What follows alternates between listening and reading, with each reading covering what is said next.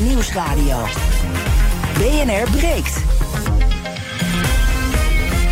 Conor Klerks. Welkom bij BNR Breekt. Vanaf half twaalf praten we over het nieuws van de dag. In het hele land wordt er al een week, uh, wordt er een week lang gestaakt door het streekvervoer. En dat terwijl er al een loonsverhoging van 8% op tafel lag.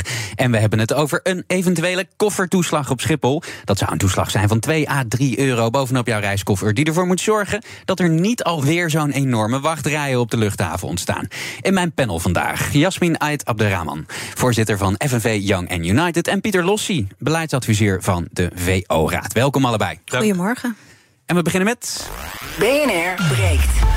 Breekijzer. Ja, ballonnen uit de lucht uh, schieten. In eerste instantie klinkt het misschien niet heel spannend. Maar toen uh, bleek dat de mysterieuze zwevende ballon boven Amerika deze week van Chinese komaf was. Ja, toen was het hele land in rep en roer. Zo ook president Biden. When I was briefed on the balloon, I ordered the Pentagon to shoot it down on Wednesday as soon as possible. Ja, want het zou volgens de Amerikanen namelijk een Chinese spionageballon zijn. En dus moest die neergehaald worden. Dat gebeurde uiteindelijk dit weekend. Een raket van een kleine half miljoen dollar deed de dienst onder toeziend oog van Amerikaanse burgers in South Carolina.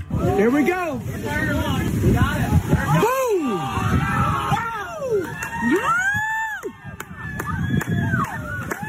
That's my Air Force right there, buddy. Ja, Amerika. Hè. China vindt het een kwalijke actie en zegt dat het uh, daadwerkelijk om een gewone weerballon ging die verdwaald was. Maar het is tekenend voor de spanningen op het wereldtoneel dat er zo'n grof geschut aan te pas is gekomen. En dat ook een gepland bezoek van een Amerikaanse delegatie naar China plotseling is afgeketst. En ja, als grootmachten niet meer praten, dan is het foute boel. Daarom ons breekijzer vandaag. Wij zitten in een nieuwe koude oorlog. Bel 020 468 4 en praat mee. Wil je niet bellen, maar wel stemmen? Doe het dan uh, via de stories van BNR Nieuwsradio op Instagram. En aan het einde van dit half uur krijg je vast een tussenstand van me. Ook bij ons, en daar ben ik heel blij mee, is Patrick Bolder, strategisch analist bij HCSS en luitenant-kolonel buiten dienst. Patrick, goedemorgen. Uh, goedemorgen, Connor. Wat is jouw mening over het breekijzer? Zitten we inderdaad al in een nieuwe koude oorlog? Nou, ja, in ieder geval zou je kunnen zeggen dat we wel met, als Europa, wel met Rusland, of met, als NAVO wel met Rusland in een nieuwe Koude Oorlog zitten. Dat is, dat is wel heel duidelijk. Uh, de Amerikaanse relatie met China, die gaat die kant wel heel erg op op deze manier. Er was nog overleg gepland, inderdaad. Anthony Blinken, de buitenlandminister van, het van de Verenigde Staten, zou op ja. bezoek gaan. Maar ja, deze ballon heeft daar uh, letterlijk een gat in geschoten, zeg maar. Uh, en daarmee wordt de relatie niet beter. En dat is natuurlijk wel zorgelijk als twee grootmachten uh, moeilijker met elkaar gaan praten en de dreiging groter wordt, ja, dan is de kans op ongelukken ook groter. Dus ja, is het een koude oorlog? Um, deels wel, want er wordt niet gevochten, dus hij is niet warm, zeg maar. Is het een oorlog? Nou, dat is het nog niet. En ik denk ook wel dat beide partijen het niet zover willen laten komen. Maar ja, strijd tussen grootmachten, ja, dat is altijd wel link. Ja, dat is link, ja. Gaan we zo uitgebreid over door. Maar uh, eerst even mijn panelleden. Jasmin, uh, Jasmin, wat is jouw reactie op het breek breekijzer?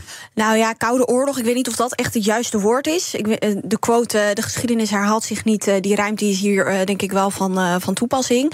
ik denk wel dat we kunnen stellen dat het echt aan alle kanten aan het rammelen is. Uh, China die is op allerlei manieren echt bezig om zijn invloed uh, te vergroten in de wereld. Dat is anders dan, dan voorheen. Maar je ziet gewoon dat het ja, echt vooral op technologisch en economisch vlak gebeurt. Dat wordt ook wel de, de nieuwe zijderoute genoemd. dus ja, ik denk wel dat je, dat je kunt stellen dat er echt iets aan de hand is. Pieter? Nou, ik, ik vind het wat overdreven. Dat zeg ik niet uh, al te makkelijk als bijna politicoloog. Want ik weet uh, hoe groot de belangen zijn uh, tussen beide landen. Maar waar in de Koude Oorlog echt gestreden werd om een wereldvisie... gaat het nu om veel meer ja, kleinere uh, belangen die uh, tegen elkaar uit uh, te onderhandelen zijn. Um, wat je zag natuurlijk in de, in de Koude Oorlog is dat er natuurlijk echt twee ideologieën tegen elkaar overstonden. Namelijk het kapitalisme tegenover het communisme. hard communisme hebben we niet meer in China dan wel in, in Rusland. Daarbij geldt ook dat, dat Rusland nu eigenlijk de oorlog in Oekraïne en de inval in Oekraïne aan het legitimeren is vanuit we moeten eigenlijk onze orthodox-christelijke gezinswaarden moeten we verdedigen. Uh, dat is iets waar uh, China juist helemaal niet in uh, meegaat. Die helemaal niet op dat orthodox-christelijke geloof zit. Dus ik denk ook niet dat beide partijen daarin heel erg samen kunnen optrekken tegen dat Westen. Je ziet overigens ook dat bijvoorbeeld bij de Republike Republikeinse Partij in de Verenigde Staten ook die discussie over die orthodox-christelijke waarden op het spel staat. Dus die tegenstelling tussen West en Oost is wat mij betreft ook minder groot. En dan zou je nog kunnen zeggen, nou ja, je kan een vergelijking trekken met bijvoorbeeld de, de Koreaanse oorlog, waarin natuurlijk ook het Westen had. Uh, die dan op dit moment uh, Oekraïne ook bekostigt. En toen de tijd Zuid-Korea. Mm -hmm. uh, en het oosten die dan voor Noord-Korea opkwam. En uh, nu natuurlijk Oekraïne is binnengevallen. Maar je ziet dat, dat China, en logischerwijs ook, zich veel minder wil verbinden aan Rusland. Omdat bijvoorbeeld die nieuwe zijderoute maakt dat ze niet willen escaleren. Heel veel van de Europese en Amerikaanse economie is ook sindsdien veel meer verweven geraakt met, met de belangen van, van China. waardoor ik ook maar enige kans op echt gewapend conflict uh, eigenlijk niet voorzie. Dat is een uh, hele hoop om zo met uh, Patrick te bespreken. Maar eerst doen we nog eventjes een rondje bellers. Want je kan natuurlijk gewoon thuis ook meepraten. Bel dan 020 468 4 keer 0 en geef jouw mening over ons breekijzer. Wij zitten in een nieuwe koude oorlog. En Rob Quist uh, is de eerste beller van vanmorgen. Goedemorgen, ja, goedemorgen met Rob, Rob Quist de Beeld. Ja, ik ben het eens met de stelling. Je kunt het vooral in de Pacific al zien. Andere de bondgenootschappen die gesloten worden. Bijvoorbeeld met Amerika met, met India. In, kijk, in, de, ze hebben gezamenlijke oefeningen hebben ze gehad, de Amerikanen en Indiërs, in een gebied wat grenst aan, uh, aan China. En je ziet het ook nu een nieuw defensieverdragen zie je ontstaan. Ook weer nieuwe Amerikaanse basis op de Filipijnen. Kijk, er is in de Pacific is er gewoon grote angst voor Chinese imperialisme. Denk ook bij kleinere landen, bijvoorbeeld als Vietnam. En je ziet allemaal al van dat soort bondgenootschappen ontstaan. En het is gebaseerd op de ouderwetse Truman-doctrine. Uh, die uh, gewoon uh, in, in, indammen en containmentpolitiek. Zo denk ik erover. Dankjewel Rob. Nou uh, uh, Patrick, je hoort het, BNR-luisteraars... die hebben altijd hun huiswerk uh, wel gedaan voordat ze de telefoon pakken. Wat, wat vind je ervan, wat Rob Quist zegt? Ja, nou ja, daar heeft Rob natuurlijk op zich wel gelijk in. maar even nog terug op Pieter, want sure. ja... Ehm, die had het over de andere wereldorde. Uh, nou ja, wel de, of andere wereldvisie. Ik denk wel degelijk dat een andere wereldvisie. Het is een beetje de Koude Oorlog tussen Amerika, of laten we zeggen de Koude Oorlog tussen het NAVO en Rusland. Mm -hmm. Gaat echt wel over democratie versus autocratie. En de manier waarop Rusland uh, haar uh, burgers wenst te besturen, ja, dat ruimt niet met uh, hoe wij daarover denken. Dus wat dat betreft is het wel degelijk een andere wereldvisie die daar strijdt. En ook ja, die orthodox-christelijke uh, excuus wat Poetin gebruikt. Um, ja, dat is natuurlijk iets heel anders dan, dan wat er daadwerkelijk aan de hand is. Hè. Het, het gaat puur om macht. Kijk, Rusland had geen enkele reden eigenlijk om Oekraïne binnen te vallen. Een land zo gro het grootste land ter wereld eigenlijk. Elf tijdzones, 144 miljoen inwoners en enorme rijkdommen in de bodem. Ja. Uh, als ze daar verantwoordelijk mee om waren gegaan, dan was Rusland gewoon het meest welvarende land ter wereld geweest. Dus ja, uh, ze hebben het zelf ook wel opgezocht wat mij betreft. Uh, en uh, ja, de belangen. Uh, die daarbij spelen, die zijn waarschijnlijk zo groot dat ze ervoor hebben gekozen om toch een ander land in te nemen onder het mom van wij worden aangevallen. Uh, en, en dat heeft juist die Koude Oorlog uitgelokt, die nu aan het ontstaan is eigenlijk, die aan het eind van deze Oekraïne-oorlog uh, zal leiden tot een nieuwe veiligheidsarchitectuur in heel Europa, met een nieuw ijzeren gordijn ongetwijfeld, met een uh, het Westen probeert Rusland te isoleren. Dus ja, wat dat betreft kun je wel degelijk over een nieuwe Koude Oorlog spreken.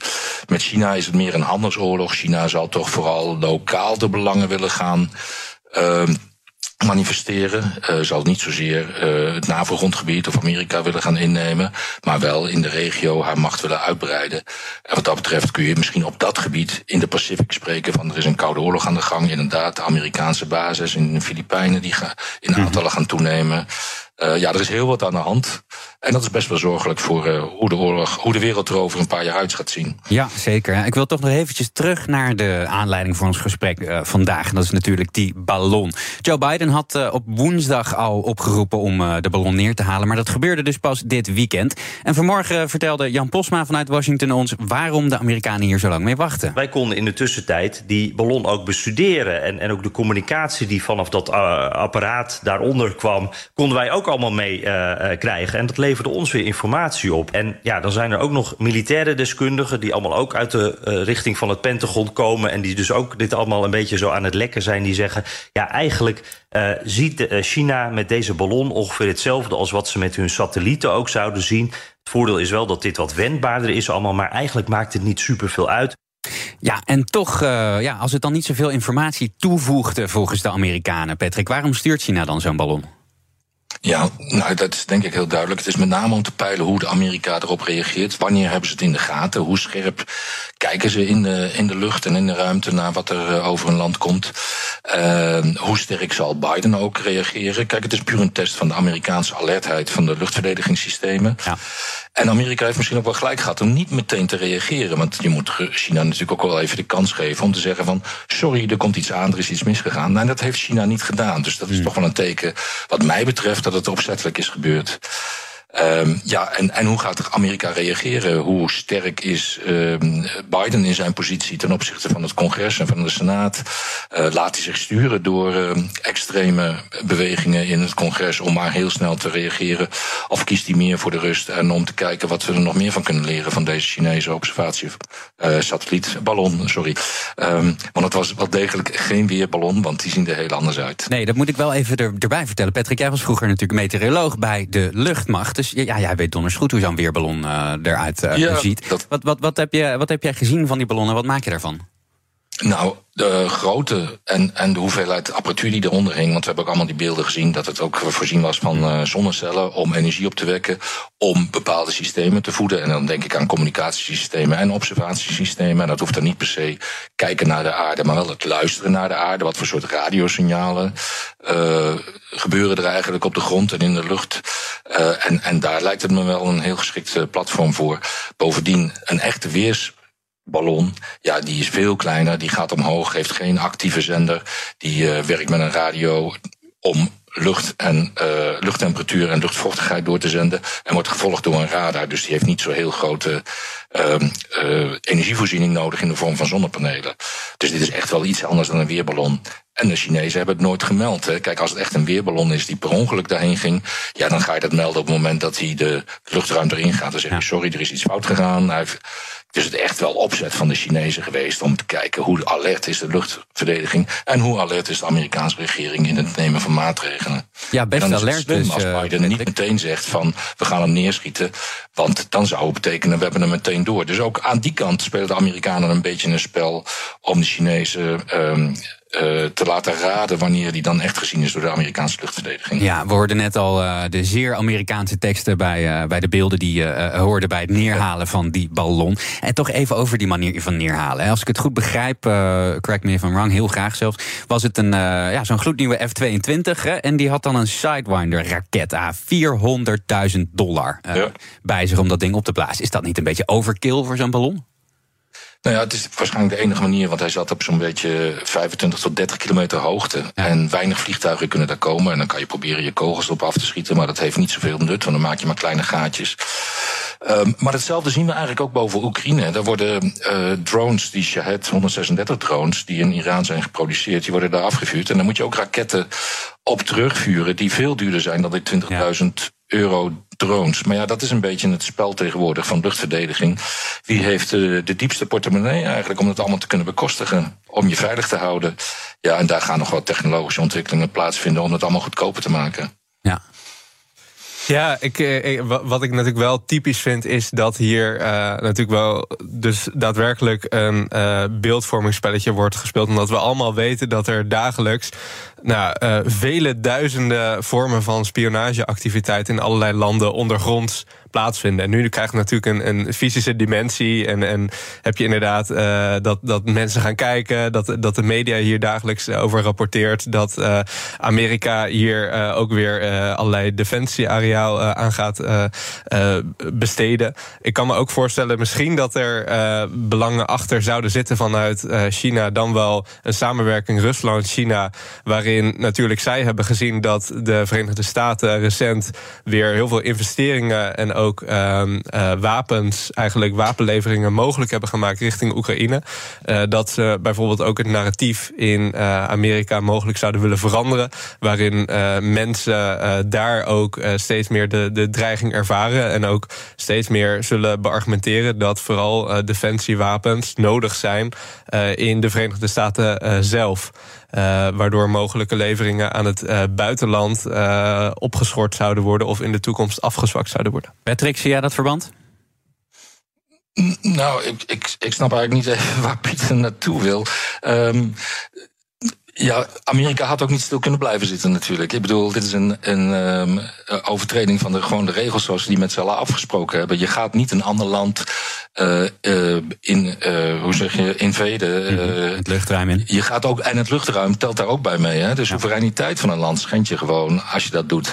En dat kan je niet onbeantwoord laten. Zeker niet als je in een geostrategische competitie bezig bent. Want alles heeft een reden. En ook deze ballon heeft een reden. Dus ja, je zou kunnen zeggen, ik laat hem gaan. Maar wordt dat dan goed uitgelegd als je dat een teken van sterkte of van zwakte? Nou, Biden stond natuurlijk ook wel binnenlands onder druk om er iets aan te doen hoor. Dat geef ik gerust toe. Maar door, als hij helemaal niks zou doen, ja, dat zou ook een beetje raar zijn. En dan krijg je de volgende en de volgende en de volgende. Um, maar uh, deze lag wel bovenop in het nieuws, omdat iedereen hem ook zag natuurlijk. En mensen ook naar boven keken in die staat Montana en allemaal uh, filmpjes plaatsten. En daarmee wordt de druk op de regering ook wel groter om iets te doen. En ook met name vanuit de Republikeinen uh, werd Biden beschuldigd van zwak gedrag. Ja. Dus ja, ja, het is van allemaal wat. BNR breekt. Connor Klerks. Je luistert naar BNR Breekt. Vandaag in mijn panel Jasmin Ait Abderrahman, voorzitter van FNV Young United... en Pieter Lossi, beleidsadviseur van de VO-raad. En ook bij ons is Patrick Bolder, strategisch analist bij HCSS... en luitenant-kolonel buiten dienst. En we praten over het breekijzer. Wij zitten in een nieuwe koude oorlog. Wil je meepraten, bel dan 020 468 0 of uh, stem in de stories van BNR Nieuwsradio op Instagram. Aan de lijn hebben we Pierre Hogeboezem. Goedemorgen, Pierre. Ja, goedemorgen. Wat is uh, je mening over ons breekijzer? Uh, nou, um, het, gaat wel de verkeerde kant op. Hè. Er is wel meer spanning. Mm -hmm. Maar, maar het, uh, je mag niet zonder toestemming over een land heen vliegen. Dus juridisch mogen ze dat ding neerschieten. Ja. Dat mag dus. Ja, zeker. Mij, mij doet het heel erg denken aan uh, dat Gary Powers toen neergeschoten werd boven Rusland. En toen zei ze ook dat het voor meteorologische doeleinden was. Ja. En uiteindelijk ging toen het bezoek van, uh, van Kennedy aan Khrushchev ging daarna niet door. Dus ja, ja. Dat, dat, doet me daaraan denken. Ja, zeker. Ja, er zijn, uh, Patrick, absoluut parallellen te trekken. Want we zien ook nu de Amerikaanse minister van Buitenlandse Zaken Blinken... die uh, stelt zijn bezoek aan China uit. Is dat nou handig? Want dat, dan zijn ze toch weer niet aan het praten. Ja, nee, dat klopt helemaal. Uh, en... en uh, Uh, we moeten ook niet vergeten, Amerika doet zelf natuurlijk ook heel veel aan spionage. Dus uh, dat, dat moeten we ook zeker voor ogen houden. Mm -hmm. Ja, nee, het is niet handig om, om niet te praten. En uh, het ging juist over het verbeteren van de relaties tussen China en Amerika. Het aanleggen van de zogenaamde vangrails. Hè, elkaar respecteren met, ja. met bepaalde ruimte bieden. En niet zomaar meteen erop slaan, zeg maar. Dus ja, ik vind het jammer dat dat Blinken daar niet heen gaat, inderdaad. Blinken had ook een hele mooie boodschap kunnen afgeven van... kijk, als jullie ten onrechte ons luchtruim binnenkomen... dan gaan we optreden, maar we moeten wel in gesprek blijven. Dus ja, wat mij betreft had Blinken daar best wel heen kunnen gaan. Hoe wordt zo'n afweging nou uiteindelijk gemaakt in Washington? Ik heb geen idee. Ik denk, ja, er zijn de haviken en de duiven. En, en ja. ik denk dat de haviken in dit geval hebben gewonnen.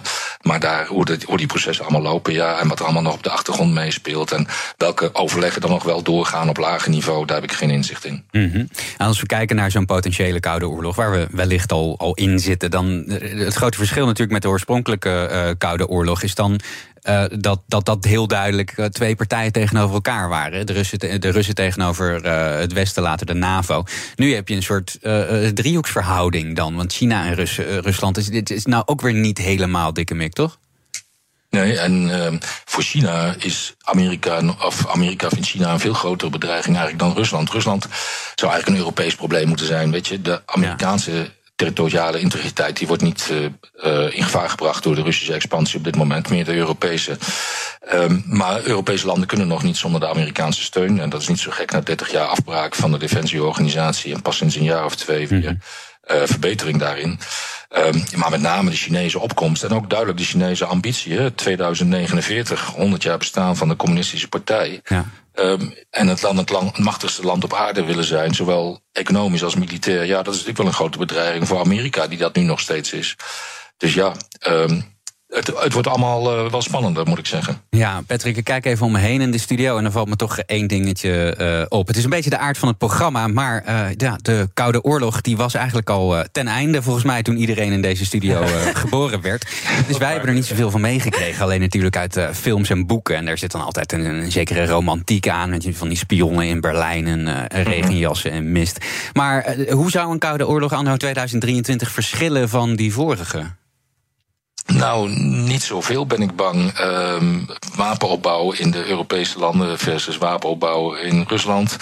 Een nieuw ijzeren gordijn verwacht ik ook wel. Dat echt, uh, we staan hier naar elkaar te kijken. Veel meer inlichtingen, positie willen we verkrijgen via lucht- en ruimtemiddelen. Um, ja, verhardende uh, wederzijdse omstandigheden. Uh, ja, weinig vrolijk eerlijk gezegd. Uh, maar het ijzeren ja, een vorm daarvan zullen we denk ik terug gaan zien. Alleen wel een stuk oostelijker dan waar het uh, ruim 30 jaar geleden lag. Ja, en je ziet denk ik ook, als je kijkt naar uh, Rusland versus Oekraïne. Uh, China die, uh, die, die, ja, die spreekt zich daar niet over uit. En het is natuurlijk wel interessant om te zien welke landen zich uitspreken tegen Rusland in dat conflict. en welke niet. De steun richting Oekraïne komt inderdaad vooral uit het Westen. dus nou ja, ik heb inderdaad de Koude Oorlog niet meegemaakt. Maar een verschil is wel heel duidelijk dat China nu niet op geografisch vlak zijn invloed echt aan het uitvergroten is. Maar meer op nou ja, economisch en technologisch vlak. Dus daarin zie je wel een verschil verschuiving van uh, hoe die macht zich uitbreidt. Patrick? Nou, heel, helemaal correct. Ja. Ik denk dat de, de bedreiging voor Rusland voor ons veel meer in het territoriale vlak ligt. En de bedreiging van China veel meer op het handelsvlak, het economisch vlak. Ja, daar heeft Jasmin helemaal gelijk in. Een korte update uh, trouwens uit, uh, de, uit Turkije, waar natuurlijk die vreselijke aardbeving is geweest, zowel in Turkije als uh, Syrië. President Erdogan meldt nu inmiddels al 912 doden en bijna 5400 gewonden. Als er meer nieuws is, dan ga ik dat natuurlijk ook weer melden. Patrick, als we kijken naar Rusland, hè, ja, als je het hebt over een koude oorlog, dan kun je Rusland eigenlijk niet vergeten. Maar uh, hoe, moeten we dat in deze context zien? Want, want het Westen is, is dan bijna een soort proxyoorlog natuurlijk bezig in Oekraïne. China niet. Eh, eh, wordt, wordt het Westen uiteindelijk nou, nou, nou in, in tweeën gesplitst? Op, zitten die in een spagaat? En, en levert dat dus heel veel kansen op voor de twee andere partijen? Nou, ik denk dat vooral uh, de verzwakte positie van Rusland, want die verzwakt wel door deze oorlog en zal zich daardoor alleen maar harder en harder gaan opstellen, want ze willen niet uh, als verliezen worden gezien, ja. uh, biedt weer kansen voor China om meer macht over Rusland te gaan uitoefenen. Ja. En daarmee uh, toch ook wel economisch weer bedreigend te zijn richting Amerika. Dus ja, er, er gaan zich allemaal nieuwe dingen ontwikkelen in deze strijd, in deze geopolitieke strijd van dit moment. En um, ja, het is echt moeilijk te voorspellen hoe het nou echt verder gaat. Ja. Maar dat Rusland door het Westen geïsoleerd zal worden. Maar Rusland heeft ook genoeg nog steun van bijvoorbeeld India, van China. Uh, economische steun ook met name.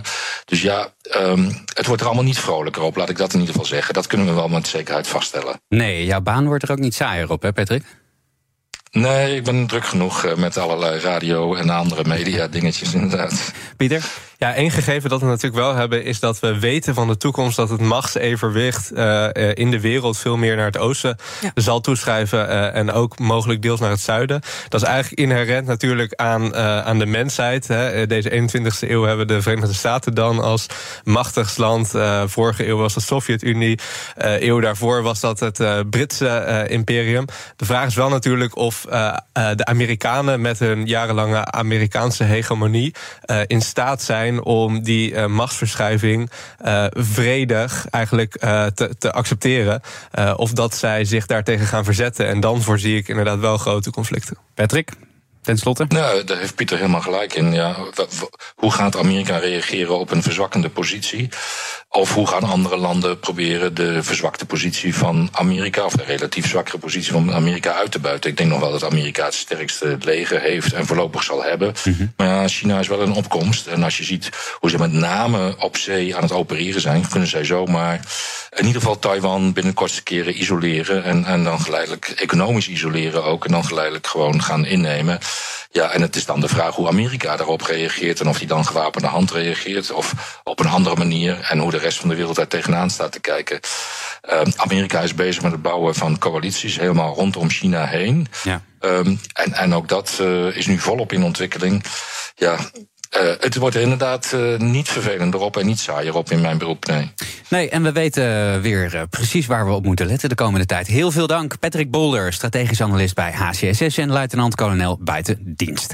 Op Instagram kun je nog de hele dag stemmen op ons breekijzer. Wij zitten in een nieuwe koude oorlog. Ik had je een tussenstand beloofd, die krijgen dan natuurlijk ook. 68% is het eens met de stelling. Zometeen bespreken we het volgende. In het hele land wordt er een week lang gestaakt door streekvervoer. En dat terwijl er wel een loonsverhoging van 8% op tafel lag. En we hebben het over een koffertoeslag op Schiphol. Mocht er uh, meer nieuws zijn over de aardbevingen in Turkije en Syrië, dan uh, brengen we je daar ook van op de hoogte. Uiteraard. Dat allemaal zo bij BNR Breekt.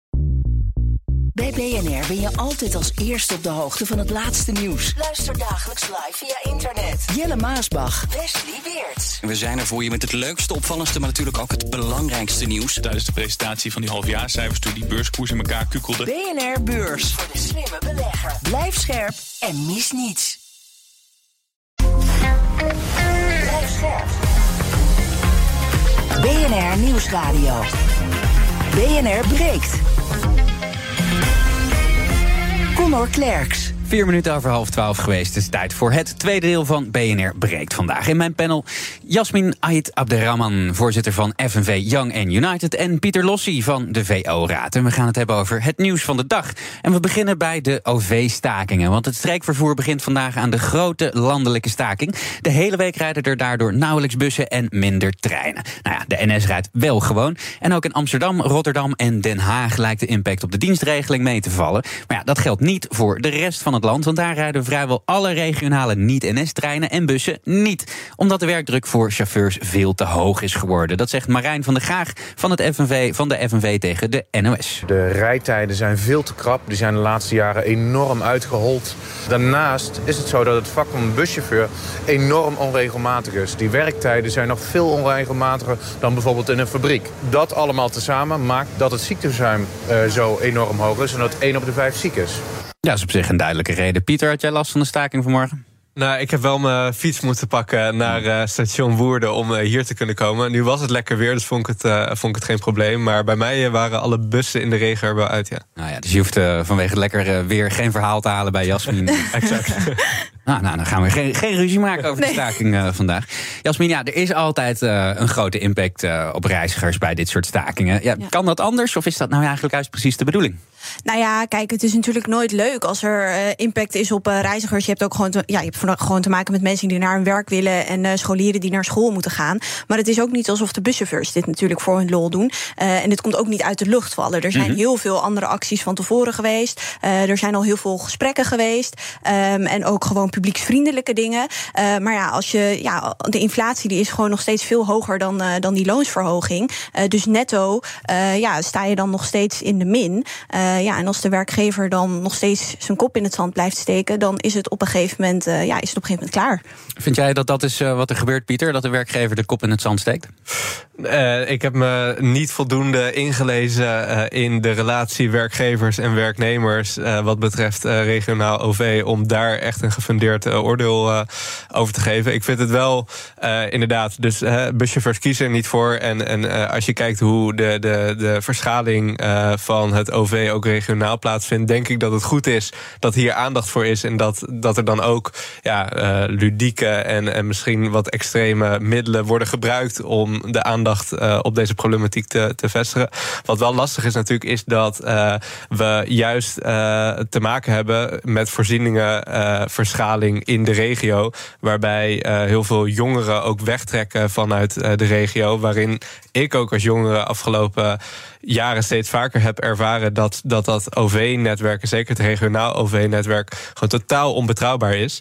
Uh, waardoor als dit structureel plaatsvindt, en, en dan, dan uh, beschuldig ik daar zowel de, de werkgevers als de werknemers niet van, maar ik constateer slechts als dit een structureel gegeven blijft in de toekomst, dat er elk jaar uh, een paar weken of, of een paar dagen wordt uh, gestaakt regionaal. Ja, dan zit er voor heel veel jongeren, ook in de regio, niks anders op dan op een gegeven moment naar de randstad toe trekken. Want op het moment dat jij ergens in Overijssel woont en je studeert in Amsterdam en je hebt het naar je zin in Overijssel, maar ja, je bent afhankelijk van regionaal vervoer of de bus, dan wel de, de trein of dergelijke om bij je studie te komen. Ja, dan heb je gewoon een groot probleem als dat OV-netwerk onbetrouwbaar is. Dus dit is voor geen enkele partij ideaal. En ik snap ook dat dat precies de bedoeling is, misschien van, van deze staking. Maar ik hoop wel echt ontzettend voor, voor het uh, groter belang dat nou ja, mensen over hun schaduw heen stappen. En dus zeker ook de werkgevers en tot een oplossing komen. Ja, dat, dat wil ik uh, onderschrijven. Ik kom zelf ook niet uit de Randstad. Uh,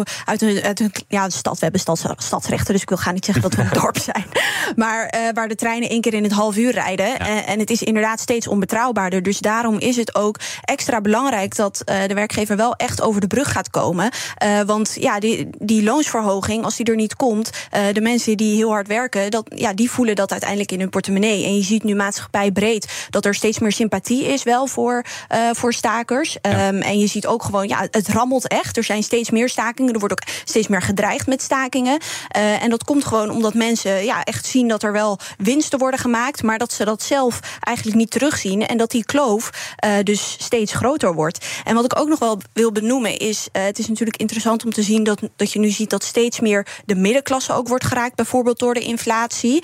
Um, ja. Maar ja, dat is wel voor een hele grote groep in de samenleving is dit niet iets nieuws. Voor mensen die bijvoorbeeld al heel lang onder de armoedegrens leven of uh, onder of rond het sociaal minimum zitten, uh, ja, die hebben al jarenlang met deze problemen te maken. Dus ik hoop ook dat als het straks uh, wat beter gaat met steeds meer mensen in Nederland, dat we nog steeds ook wel oog blijven houden voor de mensen die onderaan die ladder zitten. Ja, jij, jij bent natuurlijk van de FNV. Kun je me wat uitleggen? Want we, we hebben het nu over dan een, een voorstel wat, wat 8% was, ge, ja. geloof ik. Hè? De, de NS kreeg er volgens mij 9% bij.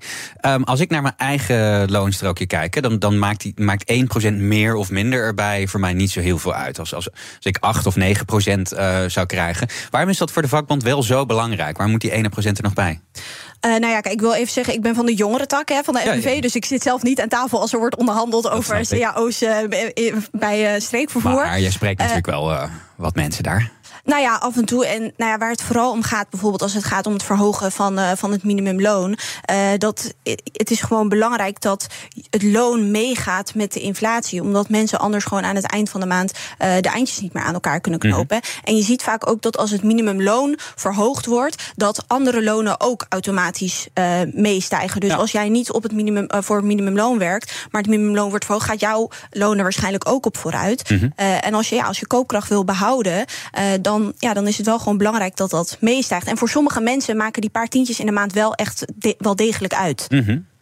Gaan we van uh, stakingen en het OV naar potentiële stakingen straks weer uh, op Schiphol. Want ja, vorig jaar um, wer, wisten de bagagemedewerkers op Schiphol de boel aardig te ontregelen met een aantal stakingen. Zij vinden ook de lonen daar liggen veel te laag. Dat vindt ook de vakbond FNV. En zeker nu de lonen van de beveiliging wel zijn verhoogd. De bagagebedrijven die hebben het geld niet, zeggen ze, om ook te verhogen. En Schiphol wil de bedrijven daar wel geld voor lenen. Maar ja, dat willen die bedrijven dan weer niet uit angst dat ze worden en straks überhaupt niet meer op Schiphol werken.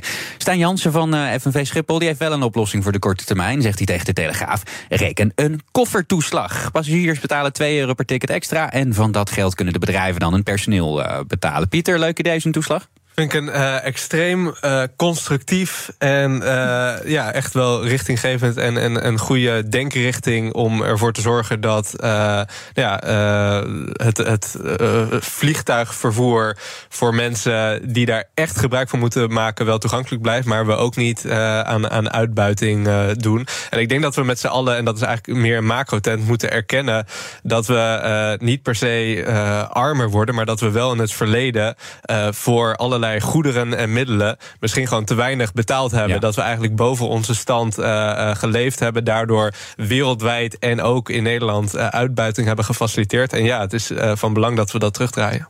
Jasmin? Ja, dat, daar ben ik het mee eens. Uh, ik denk wel dat dit niet een structurele oplossing is. Uh, want ja, als je wilt, de, de mensen die voor de, uh, bij de bagage werken, die moeten gewoon ja, goed betaald worden. En de arbeidsvoorwaarden mm. moeten gewoon beter gaan worden. dus ja, op lange termijn is dat gewoon nodig.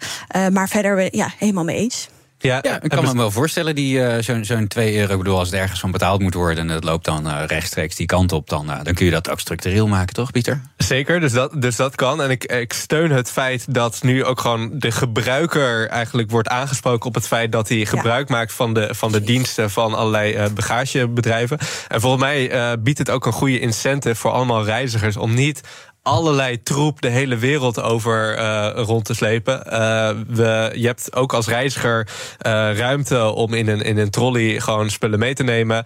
Zorg dat je daar ook dan ook echt scherpere keuzes in maakt. Dat je niet voor de luxe even een extra koffie voor, koffer voor in het bagageruim erbij haalt. Wat natuurlijk ook allemaal extra benzine voor nou, vliegtuigen kost. Nou, ik denk wel vooral dat het belangrijk is om de verantwoordelijkheid niet bij het individu en dus bij de reiziger neer te leggen. Maar dat ja, het werk moet gewoon aantrekkelijker worden. Die werkdruk moet omlaag en de arbeidsvoorwaarden moeten beter worden. Eh, en als je reizigers gaat aanspreken op hun bagage, dan denk ik dus ja, dan denk ik dat je het probleem structureel niet oplost. Bij BNR ben je altijd als eerste op de hoogte van het laatste nieuws. Luister dagelijks live via internet. Jelle Maasbach, Wesley Weert. We zijn er voor je met het leukste, opvallendste, maar natuurlijk ook het belangrijkste nieuws. Tijdens de presentatie van die halfjaarcijfers toen die beurskoers in elkaar kukkelde. BNR Beurs. Voor de slimme belegger. Blijf scherp en mis niets. BNR breekt. En tot die tijd BNR breekt. Met mijn panel vandaag Jasmin Ait Abderrahman, voorzitter van FNV Young and United. En Pieter Lossi, beleidsadviseur van de VO-raad. Het Europese eh, prijsplafond voor Russische geraffineerde olieproducten is gisteren ingevoerd. Dit weekend bereikten de EU-lidstaten daarover een akkoord. En een eh, prijsplafond op ruwe olie uit Rusland, dat was er natuurlijk al. Dit plafond komt naast een ban op Russische olie in de EU. Die maximumprijs is vooral bedoeld voor de maritieme sector. Want veel olietankers die varen onder de vlag van een EU-lidstaat of die zijn hier verzekerd. En om dan te mogen varen op Russische olieproducten, moeten die schepen zich houden aan die gestelde maximumprijs. Toch weer even Rusland dwars zitten. Pieter, heeft zo'n eh, boycott zin, denk je? Of eh, verkoopt Rusland deze olie straks niet gewoon weer aan China en dan verkoopt China het weer aan ons?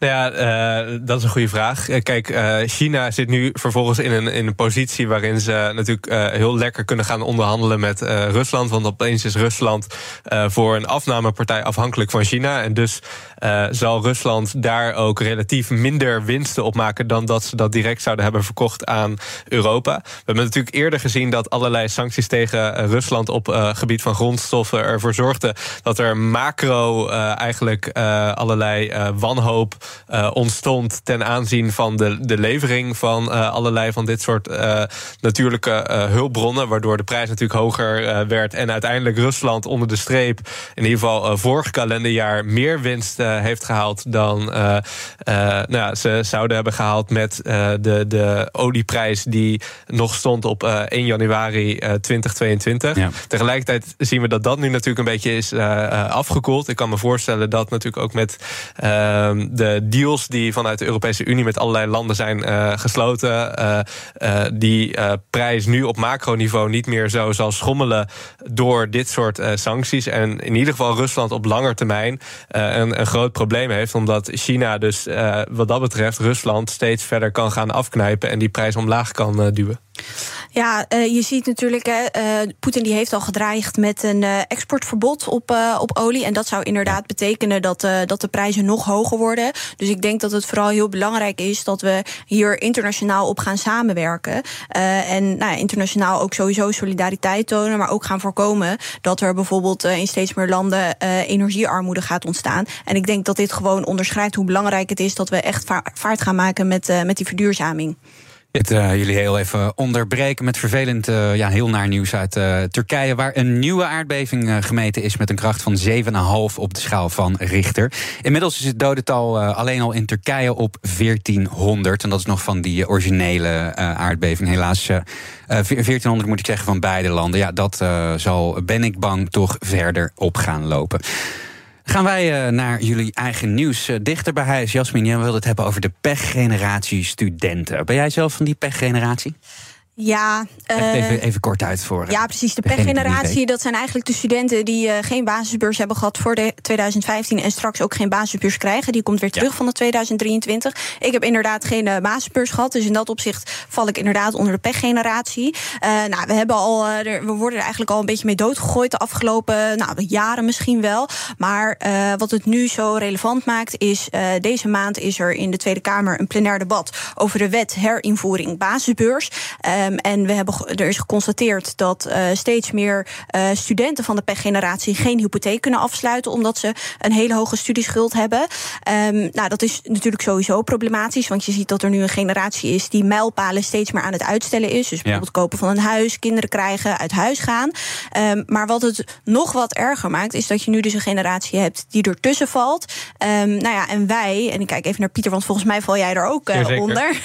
wij zijn wel de mensen die straks moeten gaan concurreren op de woningmarkt met allemaal mensen die wel een basisbeurs hebben gehad eh, en dus een veel lagere schuld hebben. Ja. Eh, en hoe hoger je studieschuld, hoe minder snel je aan een hypotheek komt. Mijn regisseur zit naar mij aan het wijzen met, met een priemende vinger van jij bent dat. Nou, Oh. Hem dat wel klopt. Sorry jongens, ja. Ja. ik, ben, ik ben net wat Nou ja, ouder het is, dan niet, jullie. het hè. is niet jouw schuld. Dus, eh, maar eh, ja, dat is wel een probleem. Want daarmee vergroot je eigenlijk die ongelijkheid. En er is dus een generatie die bijvoorbeeld veel meer is aangewezen op huren in de particuliere sector, waar de huren veel hoger zijn. Eh, dat betekent dat je minder vermogen kunt gaan opbouwen. Het is ook nog eens Mhm. weggegooid geld, want je kunt, eh, het is niet je eigen huis waar je in investeert. Nou ja, waar eh, moeten we ons nu op gaan richten? Eerste is sowieso dat die pechgeneratie eerlijk gecompenseerd gaat worden. Want er wordt nu gecompenseerd met iets meer dan eh 1000 euro de man. Terwijl een studieschuld van 40.000, 50.000 euro geen uitzondering meer is.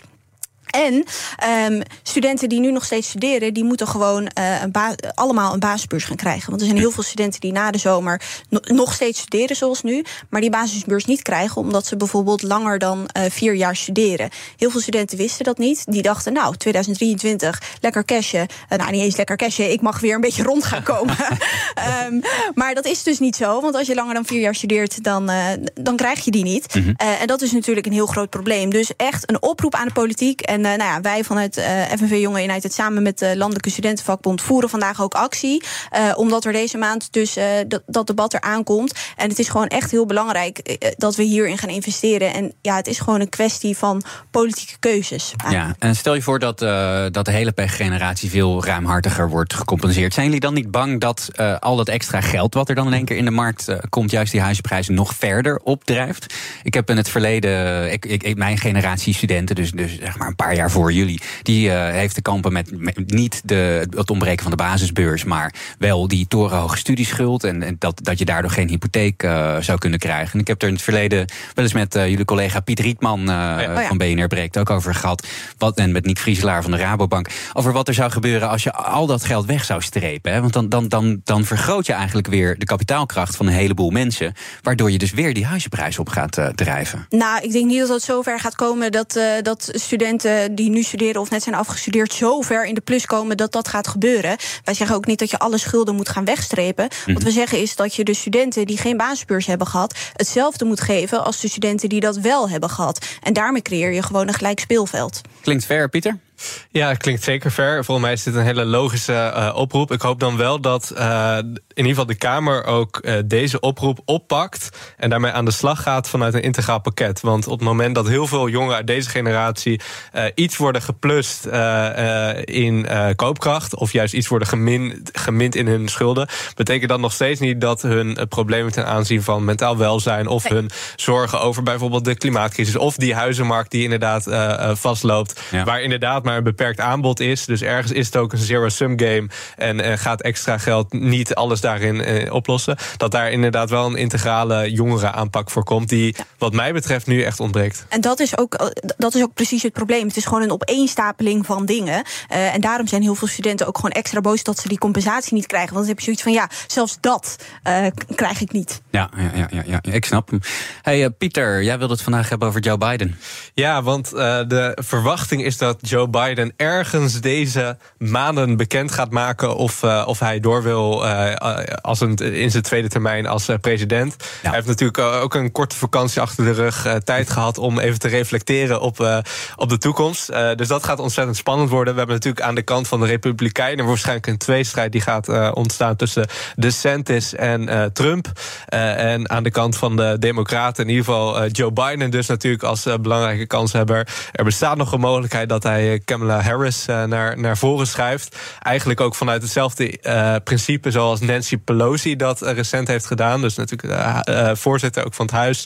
Ja, die, dat was een beetje de bedoeling. Hè? Toen het team Biden Kamala Harris aangesteld werd, eigenlijk tijdens die verkiezingscampagne zei Biden: Ik ben hier veel te oud voor. Ik kom nu orde op zaken stellen. We hebben een soort tegengif nodig tegen de, de gekte van de afgelopen vier jaar. Maar daarna is het aan de volgende generatie. Maar ja. daar komt hij dus misschien van terug. Ja, precies. Want hij heeft inderdaad altijd gezegd: Ik wil eigenlijk een soort brugfunctie bekleden. Ja. En Nancy Pelosi heeft dat ook gezegd. Dus op het moment dat uh, de verkiezingen voorbij waren, heeft zij uh, ook uh, haar voorzitterschap doorgegeven aan iemand die 30 jaar jonger was dan, dan zij was. dan zou natuurlijk een hele logische opvolger Kamala, Kamala Harris zijn. Alleen qua approval ratings staat zij er ontzettend slecht voor. zij heeft tot nu toe heel weinig profiel kunnen ja, maken. Onzichtbaar, toch? Thema's, ja. inderdaad. zij doet volgens in ieder geval de beeldvorming vooral een beetje de, de leuke bezoekjes hier en daar, maar echt eh, structurele beleidsveranderingen op bijvoorbeeld dat uh, kiesstelsel waar zij op is gezet, uh, zijn er eigenlijk nog niet met succes gekomen. En dan is wel een beetje de vraag wie het stokje gaat overdragen. Ja. Dan heb je ook nog een Gavin Newsom, die redelijk snel is opgekomen als gouverneur van California, die ook ontzettend grote kansen kan gaan hebben op het moment dat een groter deel van de Democraten zich achter hem gaat scharen. Oftewel, grote belang op het spel. Gaat nog spannend worden. Gaat ook echt nog wel een hele shitshow worden. Tussen allerlei kandidaten die elkaar zwart gaan maken. Het is aan de Republikeinen uh, om met een verhaal te komen dat verder gaat dan uh, een soort anti-Biden verhaal. Want daarmee hebben ze eigenlijk, uh, denk ik, de, de red wave bij de vorige tussentijdse verkiezingen ja, weten te, te voorkomen. helaas voor zichzelf. en nou ja, het zal ook voor een belangrijk deel de internationale koers bepalen. Niet alleen voor bijvoorbeeld de Nederlandse verkiezingen, die op het moment dat dit kabinet het, uh, zijn termijn uitzit in 2025 gaat plaatsvinden. Maar ook natuurlijk op het gebied van klimaatbeleid, ook op het gebied van de relatie met China, uh, met Oekraïne. Er spelen grote belangen op het gebied van mensenrechten. Dus het is echt nog wel een hele spannende strijd. En ik ben ontzettend benieuwd wat Biden gaat doen, omdat de keuze van Biden ook maakt of bijvoorbeeld Trump of DeSantis een grotere kans heeft om namens de Republikeinen de tweestrijd te voeren. Omdat ik niet verwacht dat de Republikeinen een Trump-Biden-strijd 2.0 zullen willen. Nog even eh, geduld, maar het wordt hoe dan ook spannend. En tenslotte gaan wij nog even kijken naar wat er trending is op social media. Uiteraard uh, hashtag aardbeving, trending vanwege de ramp in Turkije en Syrië. Zware aardbeving vannacht, 7,8 op de schaal van Richter. Er zijn al een heleboel uh, doden gemeld. En ook uh, zojuist het bericht dat er een nieuwe aardbeving... met een kracht van 7,5 op de schaal van Richter geweest is in Turkije. Europese landen hebben inmiddels al hulp beloofd... om te helpen puinruimen, te zoeken naar overlevenden. En ook de Russische president Poetin heeft inmiddels aangegeven... Turkije en Syrië te willen helpen met de reddingsoperatie. Naast die aangeboden hulp uh, gaan ook Turkse Nederlanders geld inzamelen voor de getroffenen. Dat meldt de Turkse Arbeidersvereniging in Nederland. Iets totaal anders, maar hashtag Mathieu van der Poel is trending... want gisteren won hij de titanenstrijd in het veldrijden... met zijn eeuwige rivaal Wout van Aert... en werd hij wereldkampioen in eigen land. De twee kampioenen die worden veelvuldig vergeleken... met andere grote sportduo's... zoals Federer versus Nadal en Verstappen versus Hamilton. En dan uh, doet ook hashtag februari vogelmaand het goed op de socials. Want vogelaars en hobbyisten die delen met massaal foto's en video's van vogels in februari. Ja, je zou denken, het is een saaie maand van, uh, qua vogels. Maar dat is dus volgens dutchbirding.nl allerminst waar. En dat brengt ons uh, alweer eigenlijk aan het eind van BNR Breekt voor vandaag. Dank aan mijn panelleden Jasmin Ait Abderrahman, voorzitter FNV Young and United... en Pieter Lossi, beleidsadviseur van de VO-raad. Morgen is BNR Breekt er weer. Tot die tijd volg je BNR via de socials... zoals YouTube, Instagram en Twitter. En nu ga je natuurlijk luisteren naar BNR Zaken doen met Thomas van Zijl. Tot morgen. Bij BNR ben je altijd als eerste op de hoogte van het laatste nieuws. Luister dagelijks live via internet. Jelle Maasbach, Wesley Weert. We zijn er voor je met het leukste, opvallendste, maar natuurlijk ook het belangrijkste nieuws. Tijdens de presentatie van die halfjaarcijfers toen die beurskoers in elkaar kukkelde. BNR Beurs. Voor de slimme belegger. Blijf scherp en mis niets.